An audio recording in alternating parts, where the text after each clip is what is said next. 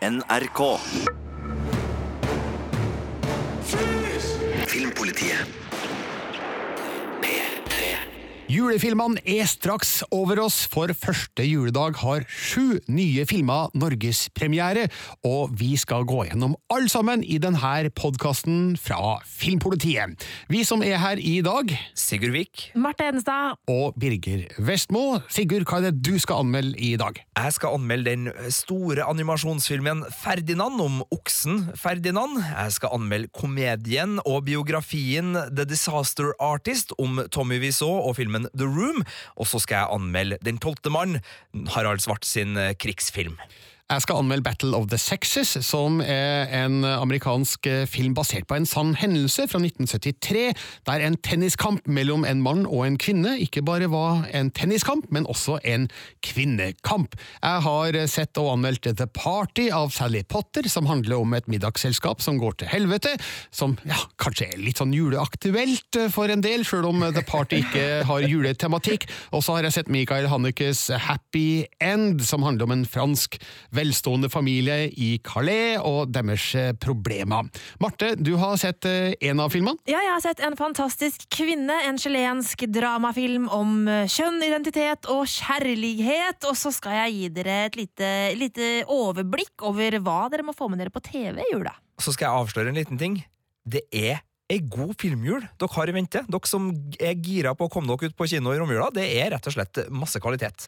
Og vi starter med den filmen som jeg tror kommer til å bli romjulas største suksess, sånn ved siden av Star Wars The Last Jedi, da, som selvfølgelig fremdeles går. Da snakker jeg om eh, Den tolvte mann, som anmeldes av Sigurd. Filmpolitiet anmelder film. Elf. Ja. Wir sollten Sylt sein. Regissør Harald Svart har med Den tolvte mann laga en barsk og billedskjønn actionfilm av den berømte fortellinga om Jan Bolsrud. Dialogen er av den tydelige sorten som forklarer mer enn nødvendig, og historia kunne med fordel ha blitt fortalt mer effektivt, spesielt i filmens andre del. Men det her er en vellykka krigsfilm, rik på patos og patriotisme.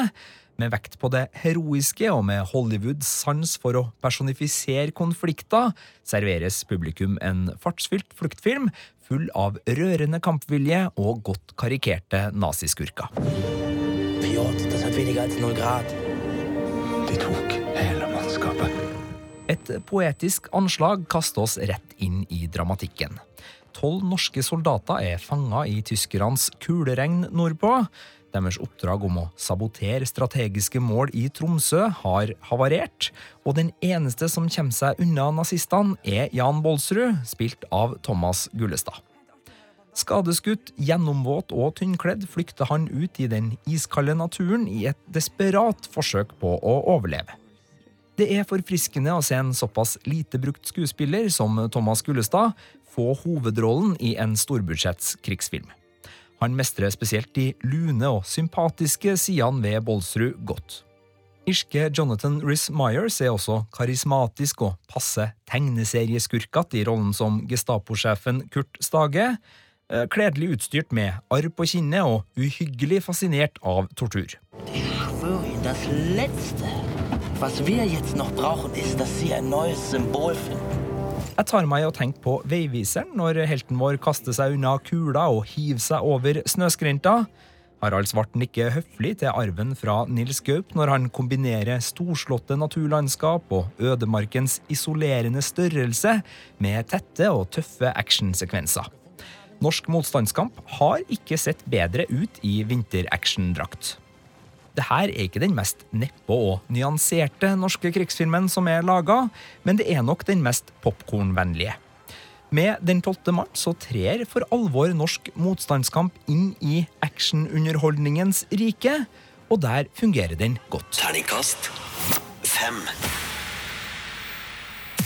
Filmpolitiet anmelder film. How about this? Man versus woman. Male chauvinist pig versus hairy leg feminist. No offense. You're still a feminist, right?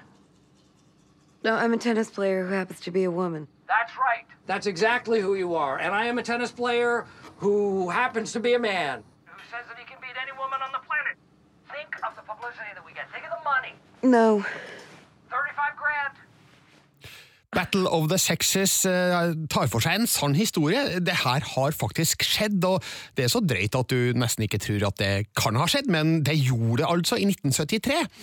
En tennismatch mellom datidas verdensener på kvinnefronten, Billie Jean King, spilt av Emma Stone, og en eks-Wimbledon-mester, eh, Bobby Riggs. Nesten Bobby Briggs, eh, men Bobby Riggs, eh, spilt av Steve Carell, som da utfordrer Billie Jean King til en tennismatch.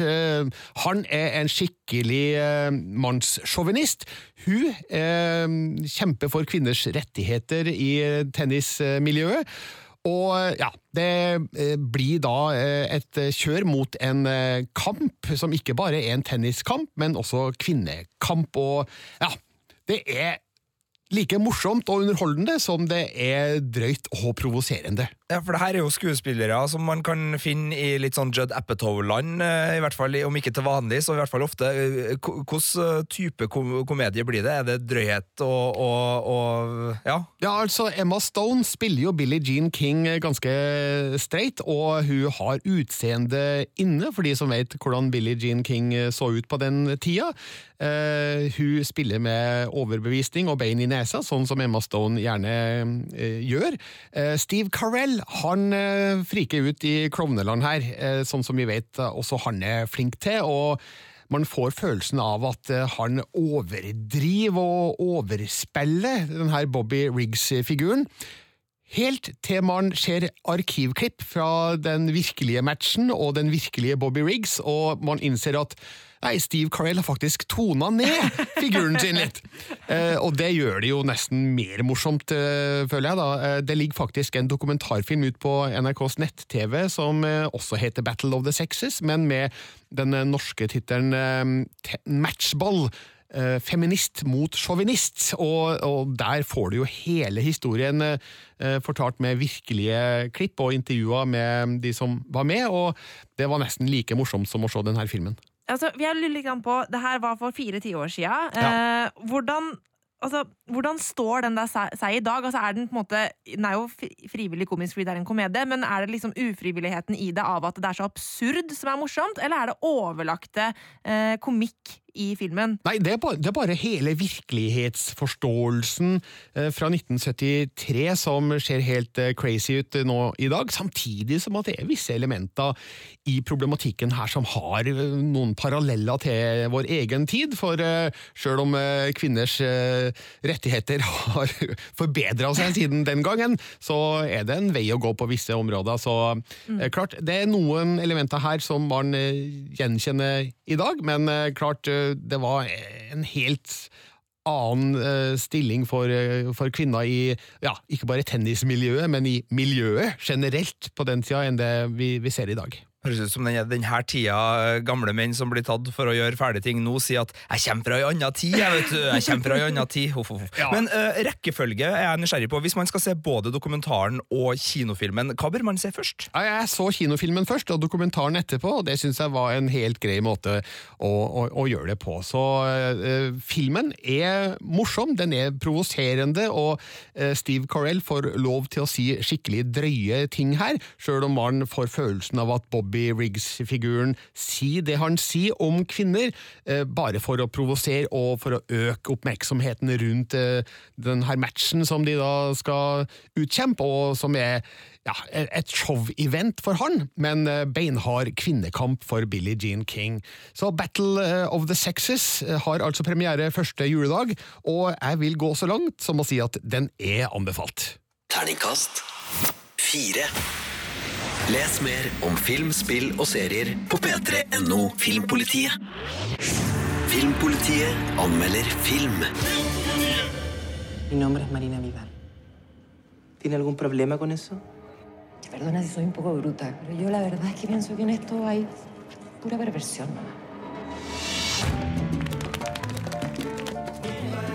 Vale por dos pasajes a las cataratas de Iguazú.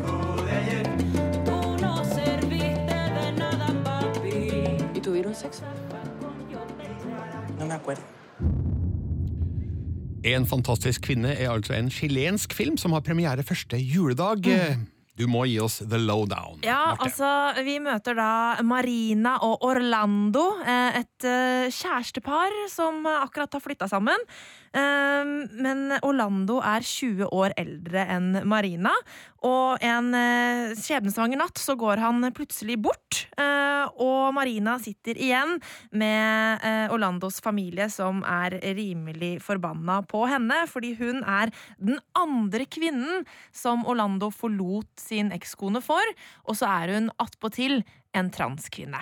Eh, og det gjør at eh, dette er en veldig vanskelig situasjon i et land som eh, Chile, hvor det er et veldig sånn konservativt miljø. Og da Marina må på en måte kjempe for å få lov til å sørge over Orlando, for å få lov til å få det hun har krav på fra det livet de hadde starta sammen, og for å få lov til å komme i begravelsen. Og det her er en veldig god film. Det her er en kjempegod film. Eh, Marina spilles av Daniela Vega, som er transkvinne selv. Eh, og hun har en sånn ja, Hun har jo et unikt innblikk i hvordan uh, alle disse situasjonene som Marina opplever i filmen. Den er ganske brutal til tider. Uh, uh, regissør Sebastian Lelio er ikke redd for å på en måte gå til det ubehagelige. Eh, og hun møter på situasjoner hvor eh, altså folk forteller henne rett opp i fjeset at eh, altså du, du, er en pervers, eh, du er en perversjon, du, du er feil, eh, altså du er ikke normal, alle disse tingene.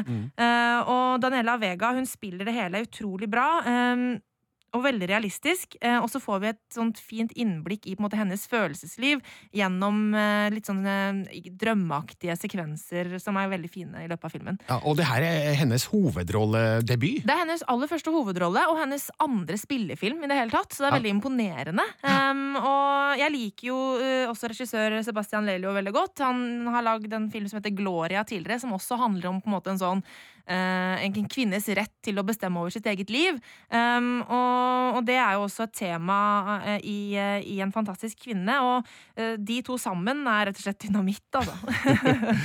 Ja, ehm, jeg har også sett filmen og er enig i alt det du sier. Jeg tenker at det er så mange klisjéfeller som, eh, som Lelio, regissøren her, Mm. kun har ramla ned i, men eh, gjør det aldri. Nei, han gjør det aldri, og han, han lar det på en måte være veldig realistisk. Eh, og og det som er litt interessant, da, var at da jeg så filmen, eh, så visste jeg plottet. Jeg visste at det var, eh, handlet om Orlando og Marina, eh, hvor han hadde forlatt sin ekskone for henne, da. Og at hun var 20 år yngre, og at han dør. Det var det jeg visste. Jeg visste ikke at hun var transkvinne, og at det var tema for filmen. Så jeg ble veldig sånn overrasket underveis, og, og det gjorde at det, Det ble også veldig gripende, fordi eh, den slo liksom ekstra hardt, all den urettferdigheten som Marina opplever. da. Um, og den, selv om den har en del sånne tankesekvenser og litt sånn drømmeaktige sekvenser i filmen, så er realismen veldig tydelig.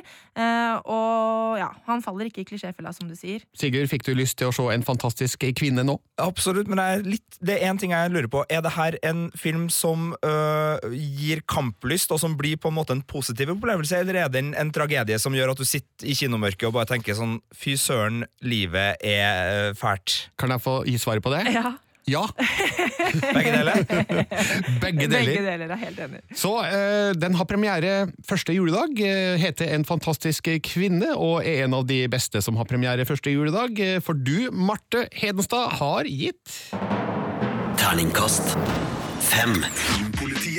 Merry Christmas, you filthy animal.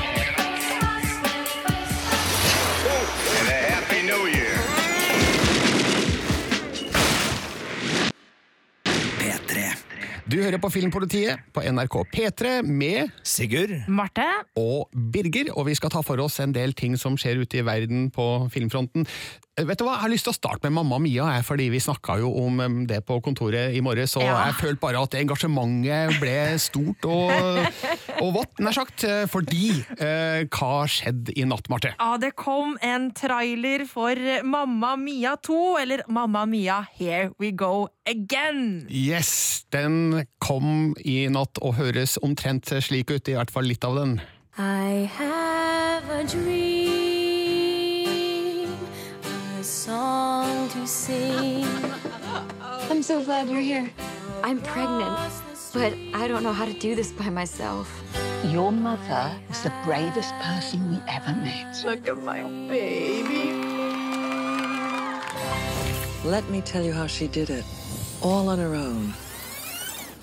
En smakebit eh, fra traileren til Mamma Mia, Here We Go Again, og det er fremdeles flotte bilder fra en eh, gresk øy og masse ABBA-musikk, men også et eh, mørke som har sneket seg inn her, Marte. Ja, fordi vi hører jo her at det skal handle om at hun er blitt gravid, datteren, men Ja, Sophie spilt av Amanda Seyfried. Ja, men så er det jo da noen som mangler lite grann, nemlig eh, Meryl Streep. Yes, mora i filmen, Mm. Donna, er lite til stede, og vi hører da i traileren en venninne av mora si She was the bravest person. Ja. Eller, was eller is. Det er Ja, det er veldig vanskelig. vanskelig å høre. Ja, men, men, men, så, Mamma mia! ja, men, men så sier jo Sophie, ja, som da har blitt gravid, og tydeligvis, at uh, hun vet ikke hvordan hun skal klare det her på egen hånd. Nei. Har hun blitt alene da? Altså, hva har skjedd Ja. med Donna? Ja, det er jo det store spørsmålet. Hva har skjedd? Uh, og det vil jo i så fall være en litt sånn trist greie med filmen hvis Donna er borte på et eller annet vis. Ja. Men dæven, så koselig! Ja, du fikk trua? Ja, jeg fikk trua! Jeg koste meg! Jeg begynte nesten å grine av traileren. Du, nå skal jeg ødelegge resten av planene våre, Sigurd og Marte. fordi altså, En annen ting vi kom eh, inn på i dag morges, eh, er at eh, da vi snakka om Mamma Mia, at Ja. du Marte, du har ikke hørt min syngende filmanmeldelse av Mamma Mia! Jeg skjønner ikke hvordan jeg kan ha gått glipp av at du hadde en syngende ja. har, vært, filmanmeldelse. jeg, jeg har vært i arkivet og funnet den frem.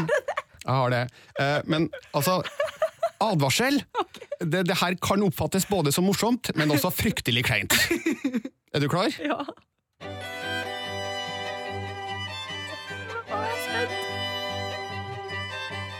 Jeg har sett på en film som var så bra.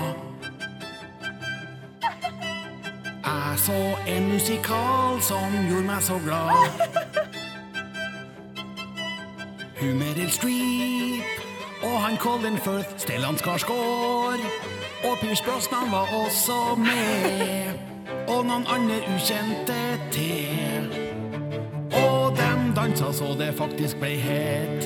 Dem sang ABBA så jeg jaggu ble svett. Å, mamma mia, jeg ble så sjarmert. Å ja, for en lykkepille. Mamma mia, den er anbefalt. Å ja, du vil bare smile. Manus er kanskje magert. Og dem som ikke så fagert, men nei, nei, det gjør ingen verdens ting. Mamma mia, årets søteste. Å ja, jeg vil se den om igjen. Ok, det var alt. Det er terningkast seks eh, for anmeldelsen, Birger. Ja, det er ingen tvil. Altså, du er jo ikke så verst å synge heller, du. Nei, takk skal du ha. Jeg tror kanskje det blir en syngende anmeldelse av eh, Mamma Mia Here We Go Again også. Ja, du må ha en oppfølger! Men da må du bli med, Marte. Jeg lover, jeg lover jeg blir med. Filmpolitiet. Does that sound good to you? På P3.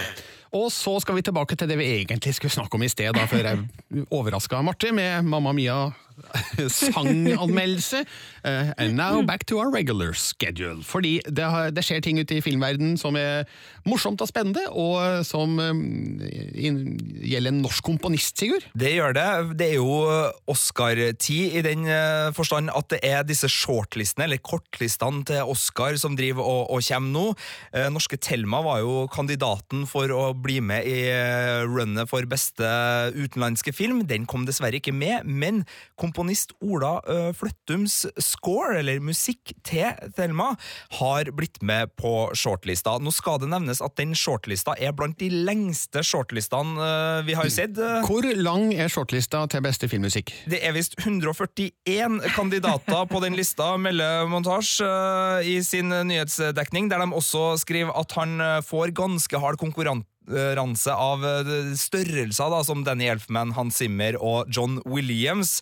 Så det er langt igjen til Royal Albert Hall, uh, hvis man skal si det med, med trøndersk. eh, Men uh, det er jo artig, da. Eller Kodak Theater? Ja, men, men altså, tenk uh, hvis han ender opp på en nominasjonsliste sammen med de navnene, da, sammen med Williams og Zimmer. Det er jo helt utrolig, og det er jo veldig gøy at en norsk komponist har dukket opp på kortlista øh, for første gang. Ja, for det har aldri skjedd før. Så det må jo være en fjær i hatten for Ola, Ola Fløttum, og fantastisk filmmusikk da til Thelma, så det er jo absolutt fortjent. Eh, Men om eh, det blir en nominasjon, det gjenstår å se. Eh, Konkurransen den er hard. Will Smith han skal lage en sportsfilm eh, nå, Sigurd? Ja, han skal produsere en film om en ganske så kjent fyr som heter Michael Jordan. Det er en uh, film som heter The Prospect, som er under planlegging. Jeg vet ikke hvem som skal spille Michael Jordan, men Hvem tror du skal spille Michael Jordan når Will Smith skal produsere en film om Michael Jordan? Tror men Jaden har Smith er jo for ung til å spille Michael Jordan. ja, men altså, det her skal jo handle om uh, Michael J- Jordan sent i hans karriere, når han slutter i, med basket og begynner med Baseball. Men jeg vil jo si det er mer midt i hans karriere, for han har jo et knallbra comeback oh, ja, okay, etterpå ja. som basketspiller. Så basketspiller. det du sier, Marte, er at du tror at det er Will Smith Ja. som skal spille Michael Jordan? Det skulle ikke forundre meg. Han har så høyt ego, Will Smith, så at han, han liksom kjøper opp eh, liksom, muligheten for å lage den filmen for å spille inn sjæl. Det kan være, Nå skal ikke vi si noe som helst om filmen Bright, som har Netflix-premiere i disse dager, men ut fra reaksjonene så kan det hende at eh, Will Smith eh, de internasjonale reaksjonene kan hende at Will Smith trenger et nytt prosjekt eh, Ja. ganske kjapt. Men uh, det her er jo tida hvor Space Jam blir laga, hvor han er, går ut og inn av basketballen, som du sier, det, og det er konspirasjonsteorier om at det var også litt sånn ulumskheter i, i Michael Jordans liv, så det er jo en kjempespennende periode, og jeg gleder meg til denne filmen. Nevner også at eh, Space Jam ligger på Netflix, folkens. Kongefilm. Filmpolitiet. P3. Filmpolitiet anmelder film. Los Angeles, everybody want to be star. You have to be the best and never give up. When I get up on stage in front of people, all I can think about is what if they laugh at me? But you, man, you're fearless. I want to feel that too. I don't care. I'll do it. The Disaster Artist har premiere første juledag, Sigurd, og det er du som har sett den, og den handler om en annen film. Det gjør den. Eh, For de som har sett filmen The Room fra 2003, så vet dere at det er regna kanskje som en av de beste verste eh, filmene i verden. Det her er da snakk om Tommy Wisaas eh, overspilte og merkelige dramafilm som har blitt til hva, Marte? You're tearing me apart, Lisa! Meme på internett. Ja, Det er kanskje mest kjent for veldig mange som en memefabrikk av de sjeldne, fordi det er så mange replikker og scener i den filmen. I did not eat her. I did not eat her. I did not eat her. Oh, hi, Mark. så, som er, så, så dere som vet, dere vet, og, og til dere andre så er det bare å sjekke ut The Room. Men øh, en av skuespillerne som, som var med og, og spilte i The Room, eh, som het øh, Greg, han øh, la, ga, ut ei bok som heter Disaster Artist My Life Inside The Room, The Greatest Bad Movie Ever Made, eh, for noen år siden. Og den har James Franco tatt tak i. Han har både regi og hovedrolle her, og har laga et portrett, en slags biografi om Tommy Wiseau og hvordan The Room ble laga, som er eh, selvfølgelig en komedie, men som tar det ufrivillig komiske på alvor, og det er både hjertevarme og lunhet og en skuespillerprestasjon av James Franco som er imponerende i denne filmen. Ja, altså jeg har jo bare sett traileren, men han, han er jo helt lik som Tommy vi så, både utseendemessig, måten han prater på, og også kroppsspråket. Det er Ja. veldig kult. Han har virkelig gått inn i det her med hud og hår, James Franco. Uh, han har uh, grodd håret, holdt jeg på å si. Han har uh, ordna en ansiktsmimikk som er direkte imponerende, for han er nesten ikke til å kjenne igjen som James Franco i en del uh, scener. Så han har virkelig tatt det, det fysiske ned til et veldig detaljert plan, og har også spilt inn nesten alle scenene i The Room som uh, Tommy vi så det, det, det er hardt arbeid her. Men det jeg lurer på er, eh, må man ha sett The Room for å ha utbytte av The Disaster Artist? Nei, det hjelper, men i likhet med eksempel Tim Burton og Johnny Depp sin film Ed Wood, som da handla om også en av verdens verste regissører, nemlig Ed Wood, som laga Plan 9 from Outer Space, så er det såpass grundig arbeid som er gjort i biografien her, at du trenger ikke å, å vite noe om uh, The Room fra før. Du får også en innførsel på starten. Da er det en rekke kjente amerikanske komikere som forteller litt om hva filmen har betydd betydde for dem, og hva de syns om Tommy Wiseaus ganske enestående arbeid. For han brukte jo da over seks millioner dollar av egen lomme for å lage denne filmen, og leide inn fullt profesjonelt apparat og gikk skikkelig motstrøms da i Hollywood for å, å få det til. Det minner meg litt om den filmen du anmeldte var det vel i fjor, Birger, om hun operasangerinnen som, eh, som ikke kan synge opera. Ja, Florence Foster Yes! Jenkins. Ja, Nei, Strålende sammenligning der. Jeg får skikkelig lyst til å se The Disaster Artist. Det er absolutt bare det, og det her er jo også James Franco med vennene sine, så her har du Seth Rogan, Judd Apatow og gjengen, så hvis du digger dem, så får du også en god, skikkelig god komedie. Terningkast fem. Filmpolitiet anmelder film.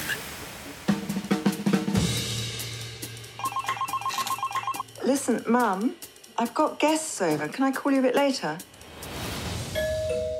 April. Congratulations. Wonderful, wonderful news. It's not every day that one of us becomes a minister in your entirely useless opposition party. What is it, darling? I have an announcement. Ok, denne announcementen som blir kunngjort, eh, det er det som eh, starter dramatikken da i The Party, som er en bitende farse om et middagsselskap som går til helvete. Er det så kul musikk hele veien? Eh, ja, nei, ikke hele veien, men um, Bill, spilt av Timothy Spoll, han har det med å gå bort til platespilleren og sette på noe nytt i, nå og da, og da får du en del kul jazz, altså. Sånne folk har jeg vært på fest med. ja, nemlig. Uh, men det spørs om du har vært på fest med sånne folk som du møter i The Party, fordi altså, handlinga her er jo da at Janet, spilt av Kristin Scott Thomas, hun har blitt utnevnt til uh, en ministerpost i det britiske skyggekabinettet, som da består av ledende talspersoner fra eh, opposisjon. Eh, og så inviterer hun venner til en middag for å feire det her, men så kommer jo da ektemannen Bill, spilt av Timothy Spoll, med en eh, kunngjøring som kaster litt om på ting, da. Og så er det ikke den eneste hemmeligheten som kommer for dagen etter hvert, som alt eh, går til grunne. og det, det, det er morsomt, og det er underholdende, og det er spennende, og mye på grunn av dialogen som går som en mitraljøse gjennom hele filmen, og eh, flere overraskelser som jeg ikke hadde forutsett. Så det er Altså, hvis jeg skal sette fingeren på noe her, da, så er det klart at en del av det som skjer i The Party, utfordrer det realistiske. Men vel, jeg, godtar det, fordi at det er så velskrevet og det er velspilt. For, um, foruten dem jeg har nevnt, så finner du også Killian Murphy, Patricia Clarkson, eh, Bruno Gans, du vet han som spilte Mm. Hitler i Der Untergang. Eh, I den filmen her så, så sier han I am not a nazi. Oi, ja, for, for, for I anmeldelsen din så beit jeg meg merke i setningen 'Bruno Gans leverer avvæpnende sjarme'. Eh, og det er jo ikke akkurat det han er mest kjent for, all den tid internett er full av eh, ja, eh, Hitler. Men, men en sånne filmer som det her, Birger, de som foregår i et lukka selskap, og hvor folk ikke på en måte kommer ut, og det kommer sånne ubehageligheter underveis, blir den litt sånn trykkende og klein til tider, eller er det mest moro? Eh, Til tider trykkende og klein, ja, men det er fordi at den skal være det. Mm. Eh, Men som du sier, alt foregår eh, i en eh, leilighet, og litt i bakgården. Eh, Det er som om det er filma teater, men det er faktisk originalskrevet for film. Men jeg tenker at det her kan bli et skikkelig bra teaterstykke også.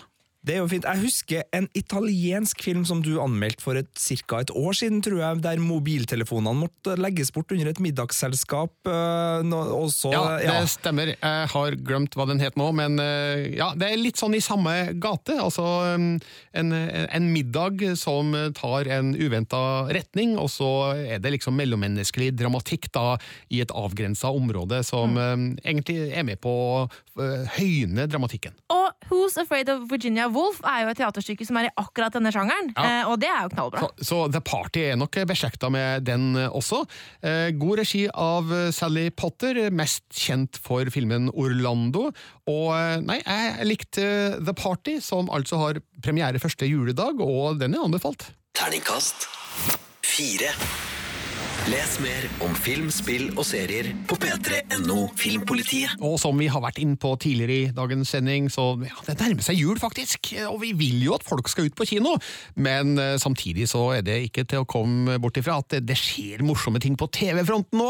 Ja, og så er det så koselig å sitte inne eh, i sofaen med gløgg og pepperkaker og kose seg og se film på TV. Ja. Og jeg må jo innrømme, jeg er en av dem nå som skal til en plass og feire jul hvor øh, det ikke er så moderne at det bare er å velge og vrake strømmetjenestene, i hvert fall hvis jeg skal se TV sammen med resten, for der er det lineær TV, eller TV-TV, som- som gjelder. Så, men det, der går det jo også en del ålreit i jula, ikke sant? Jo, det gjør det. Eh, Vi kan jo begynne med lille julaften. Eh, Det er jo liksom gjerne, det er jo klassikerne som går igjen i jula. Da. Det er jo de samme filmene vi ser hvert år.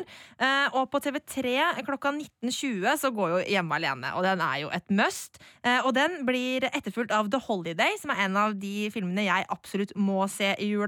Eh, Og så 21.40 så er det Hjelp, det er juleferie på TV Norge. Eh, Og hvis man er litt sånn lei av alle disse juleaktige filmene, så kan man kose seg med den fabelaktige Amelie fra Montmartre på NRK2 klokka 23.15. Kan jeg skyte inn en film du har glemt, åpenbart? Med Grim og Gru, som går på NRK3. Det er din favoritt. home, now you can open the Stemmer det? Ja, det- det- syng, syngespesialen din av Ja, sendinga. du sånn, vi fikk sånn Mamma Mia i stad. Birgit. Heretter så blir det bare syngende filmanmeldelser på meg. Men altså, med, med Grim og Gru går to ganger på NRK3 i, i morgen. Den går 19.30, og igjen 23.15. Ja, og den ligger jo også i nett-TV, så den kan man jo se når som helst. Eh, men også på julaften, da. Da vet vi jo alle at alle må opp klokka 11 for å se Tre til Askepott klokka 11. Og så kan man jo fortsette med Knut Risan-maratonet sitt hvis man har lyst til å se Reisen til julestjernen etterpå. Um, og så er TV 2 litt sånn kontroversielle. De kjører i gang med Timmy Gresshoppes julefest klokka tolv. Konkurrerende tid. Aha! Så, men ja, da får du velge Disney eller uh, Slutten på Askepott og Reisen til julestjernen. Uh, men så er det jo mye julemiddag og pakkega, oppka, oppakking av gaver og sånn. og så kanskje man har lyst på noe film på kveldinga, og da er det jo bare å skru på Viasat 4 23.20 og se Die Hard 1 og 2 back to back. Oi, oi, oi! Fantastisk dobbeltbill! Veldig bra. Men uh, første juledag, man skal jo kanskje ha litt sånn julelunsj og sånn, men man er sliten etter gårsdagen og trenger å s- sitte på sofaen. Eh, sover kanskje litt lenge, og så kan man skru på Polarekspressen på TV2 klokka 13.35. Det er en absolutt favoritt. Og så går Charlie og sjokoladefabrikken på TV Norge klokka seks. Eh, og så kan du, hvis du har lyst til å gå litt eh, utenfor de vanlige juleklassikerne, kjøre på med et lite Stephen King-maraton 21.55. Der går Frihetens regn og Den grønne mil back to back. Fikk jeg SMS fra NRK Sporten og NRK Helse om at det også går an å gå seg en tur innimellom alle TV-tittinga, men helvete, er det bare å Men, droppe. og så er det jo selvfølgelig masse kule ting på strømming også. Altså, du finner jo Love Actually, som går på TV i kveld, av alle ting. Eh, I Viaplay, blant annet. Og så eh, er det jo da Le Byrå, som er en eh, strålende serie som ligger i NRKs nett-TV, og også en fin julefortelling eh, som heter Dickens jul, som er en serie som også ligger i NRKs nett-TV. Så det er absolutt masse å kose seg med. Filmpolitiet. Merry Christmas, you filthy animal. And a Happy New Year. P3. Du hører Filmpolitiet på P3 med! Sigurd. og Birger, og eh, vi skal snakke om Gandalf, for det elsker vi! Ringenes herre, det er jo en TV-serie på gang, men eh, hvem skal spille Gandalf i den? Ikke sant? Hvem skal spille Gandalf i den? Vi har jo drevet og diskutert det ganske mye, Marte, opp igjennom. Vi har til og med laga en egen podkast hvor vi diskuterer mulighetene denne TV-serien har, Ja. og da fant vi jo ut at det var en av de rollene det var veldig viktig at de fikk riktig. Ja, fordi det er jo ingen andre enn Ian McKellen som kan spille Gandalf, uh, syns jeg. da. Han er jo, han er, han er jo Gandalf! Ja, jeg ser for meg Ian McKellen i hodet mitt når jeg leser Ringenes herre, for eksempel. Ikke sant? Og når da eh, Ian McKellen var i BBC-radio, så ble han jo spurt om det her, og da svarte han følgende What do you mean another Gandalf? Uh, og så la han til I haven't said yes because I haven't been asked, but if you're suggesting someone else is going to play it, who would be suitable? Så ja. Jeg elsker at han har den tilnærmingen selv også, da. Hvem andre kan spille Gandalf, liksom? Uh, Christopher Plummer? Uh, ja, ja, ja. Nei, jeg- jeg- Nei, men, men uansett, det han sier i klar tekst her, må jo være at eh, hvis han blir spurt, så er det godt mulig at han kunne tenke seg å spille Gandalf i den kommende TV-serien fra Amazon. Det er en bedre oversettelse enn min eh, forsøk på engelsk. Jeg beklager at jeg rota litt inni her. Eh, Han blir jo også spurt om han er for gammel, og da svarer han at Gandalf er jo over 7000 år gammel, så Ian McKellen er ikke for gammel. Nei, eh, men det her har vi trua på. Det er selvfølgelig eh, ganske lenge før denne serien eh, fra Amazon blir realisert, men det hadde jo vært kult da med Ian McKellen som Gandalf en gang til, det må jeg bare si. Narkos sesong fire har fått nye hovedrolleinnehavere, litt overraskende. Ja, men også på tide, kan man jo si, for de tværa kanskje sesong én og to litt lenge i sesong tre, eh, med tanke på at det var ei historie om Pablo Escobar som ble avslutta, men de ville ikke gi slipp på, på rollefigurene, og Javier Peña ble da vår leading man. Men nå skal vi over til Mexico i sesong fire, og to nye ansikt er på rollelista. Det er da Michael Peña og Diego Luna, kjent fra da Rogue One uh, Star Wars Story, som eh, skal inn og, og mikse det til når Narcos da tar narkosagaen videre. Det er jo ikke fæle skuespillere, Birger? Nei, det er absolutt eh, flinke folk og eh, fyrer som helt sikkert kan sette et eh, positivt preg på neste Narcos-sesong. samtidig som jeg lurer på hva som skjer med Pedro Pascal, fordi jeg liker jo veldig godt hans figur da, i de tre første Narcos-sesongene. Han skal nok tilbake til Game of Thrones for å spille en zombieversjon av Prince Oberyn, hvor han skal Nei, ok. Det skal Nei, han ikke. Det var Nei. fake news. Fake news, Det var rett fake og news. slett. Årets nyord, forresten. Fake news. Mm. Yep. George Clooney han utvikler en ny TV-serie for Netflix som skal handle om hva da? Nei, Watergate-skandalen, rett og slett. Ja. Det er altså det som skjedde på 1970-tallet med president Nixon og avlytting og innbrudd og ja, til slutt eh, Nixons avgang som president i USA. Jeg må bare si, som en som har All the President's Men som en av mine favorittfilmer, da med eh, Robert Redford og øh, Dustin Dustin Hoffman Hoffman. i, i hovedrollen, og som nettopp har sett Vietnam-serien, som ligger på NRK nett-TV, og som vi syns var årets beste dokumentarserie i Filmpolitiet, så er jo det her begivenheter som er kjempespennende, og det som Nixon gjorde før eh, han måtte gå av, og altså, han er jo en skikkelig skurk, anbefaler også Frost Nixon, de her intervjuene han gjorde, som er dramatisert i en ypperlig spillefilm. Nei, det her er litt sånn indrefileten av konspiratorisk, politisk eh, 70-talls-USA, og jeg gleder meg til å se hva som kan komme ut av Clooneys serie. Ja, Han er jo ikke bare en klasseskuespiller, men også en eh, flink produsent og regissør, så nei, jeg har trua på det her. Det er en sånn fotnote helt til slutt. Eh, Ungene mine så eh, Alle presidentens menn for en tid tilbake. Eh, Yngstemanns eh, kommentar, den var kjedelig, men på en interessant måte.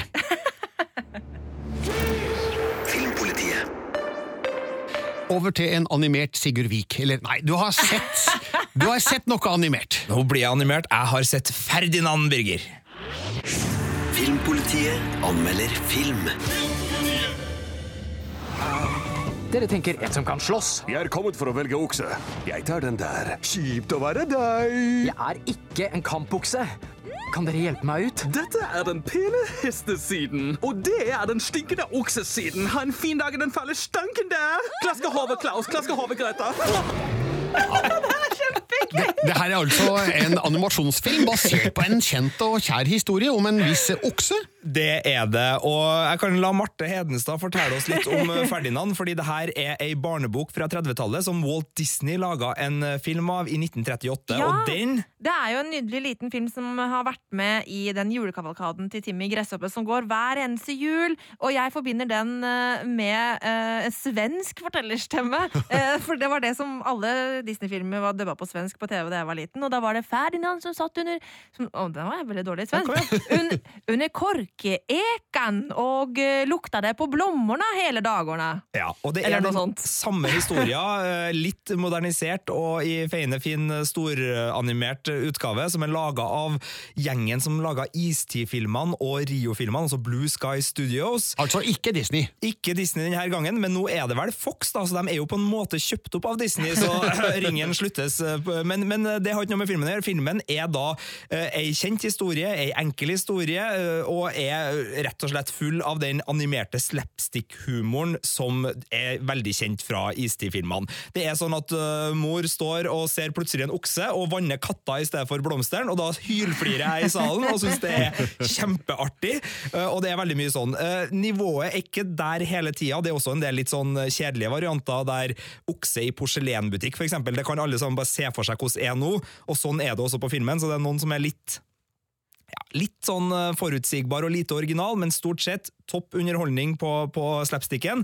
Historia om da den pasifistiske oksen Ferdinand som ikke vil slåss i tyrefekterarenaen, er jo egentlig en veldig god historie, og uh, filmen tar den på alvor, men tar den ikke helt ut. Altså, det her er ikke en film som går mer enn litt i retningen av å kritisere f.eks. tyrefakting som dyreplageri, for det syns jo i hvert fall jeg at det er, Eh, men den antyder denne kritikken, men tar ikke noe ordentlig oppgjør, og så blir det aldri heller veldig spennende. Men det her er solid underholdning for familien i jula. Den er festlig og artig og gjør alt det en sånn film skal ha, og så er den ikke like god som de beste da, fra Dreamworks og Disney. Og den har altså da premiere første juledag, og heter rett og slett Ferdinand, og du, Sigurd, har gitt Terningkast fire. Les mer om film, spill og serier på p3.no Filmpolitiet. Og nå skal vi over til Mikael Hannikes nye film. Den heter Happy End. Filmpolitiet anmelder film. Je suis prête. Est-ce que tu veux t'asseoir un peu avec nous Non, merci. Happy End er altså regissert av Mikael Hanneke, østerriksk regissør, kjent for filmer som Skjult, Det hvite båndet, Funny Games og Amour. Eh, En regissør som gjerne borger for kvalitet, lager seriøs film med vanskelig tematikk, men alltid interessant. Han er en sånn regissør som veldig mange som er glad i film, nevner når de skal ramse opp hvem de syns er de formidable filmskaperne i vår tid. Ja, Man er gjerne litt flinkis når man nevner Mikael Hannicke, og jeg har òg stor sans for mange av de filmene han har uh, laga før. For uh, Happy End må jeg innrømme ikke var helt min uh, tekopp. Altså Her forsøker han å dissekere og analysere det franske borgerskapets tomhet. Det er da familien Lorrain, Lorrain, litt dårlig fransk der, som um, bor i Calais, helt nord i Frankrike. Uh, de blir utsatt for eh, noen eh, tragedier og ulykker som kaster litt rundt på virkeligheten og på hverdagen, og vi skal vel muligens eh, føle litt sympati for dem, men jeg greier det ikke fordi historien er så kald og steril og upersonlig, og så tror jeg nok at det er nettopp det Michael Haneke har gått for her.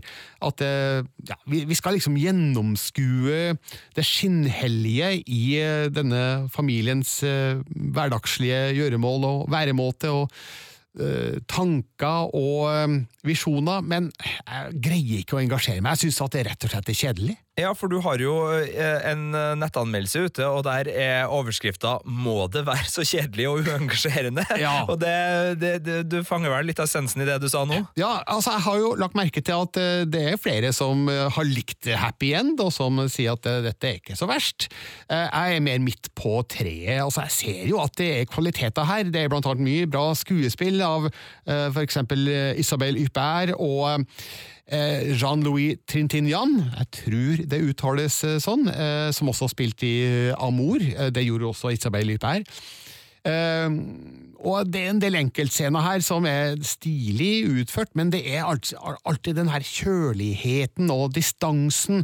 Eh, altså Store deler av filmens åpningssekvens er filma med et mobilkamera, der vi følger en figur på, på avstand, og jeg føler at hele filmen har en sånn avstandsfølelse til figurene, slik at jeg får aldri knytta noe bånd til dem, og det er ingen jeg liker her, det er ingen jeg har lyst til å følge med på, eller Nei, Jeg syns bare at det ble intetsigende og tomt, og kanskje er det Mikael Hannikes hensikt, og det er mulig at det finnes ting å sette pris på her for de som er veldig glad i Hannike, men eh, for min egen del så ble jeg happy and eh, alt annet enn det.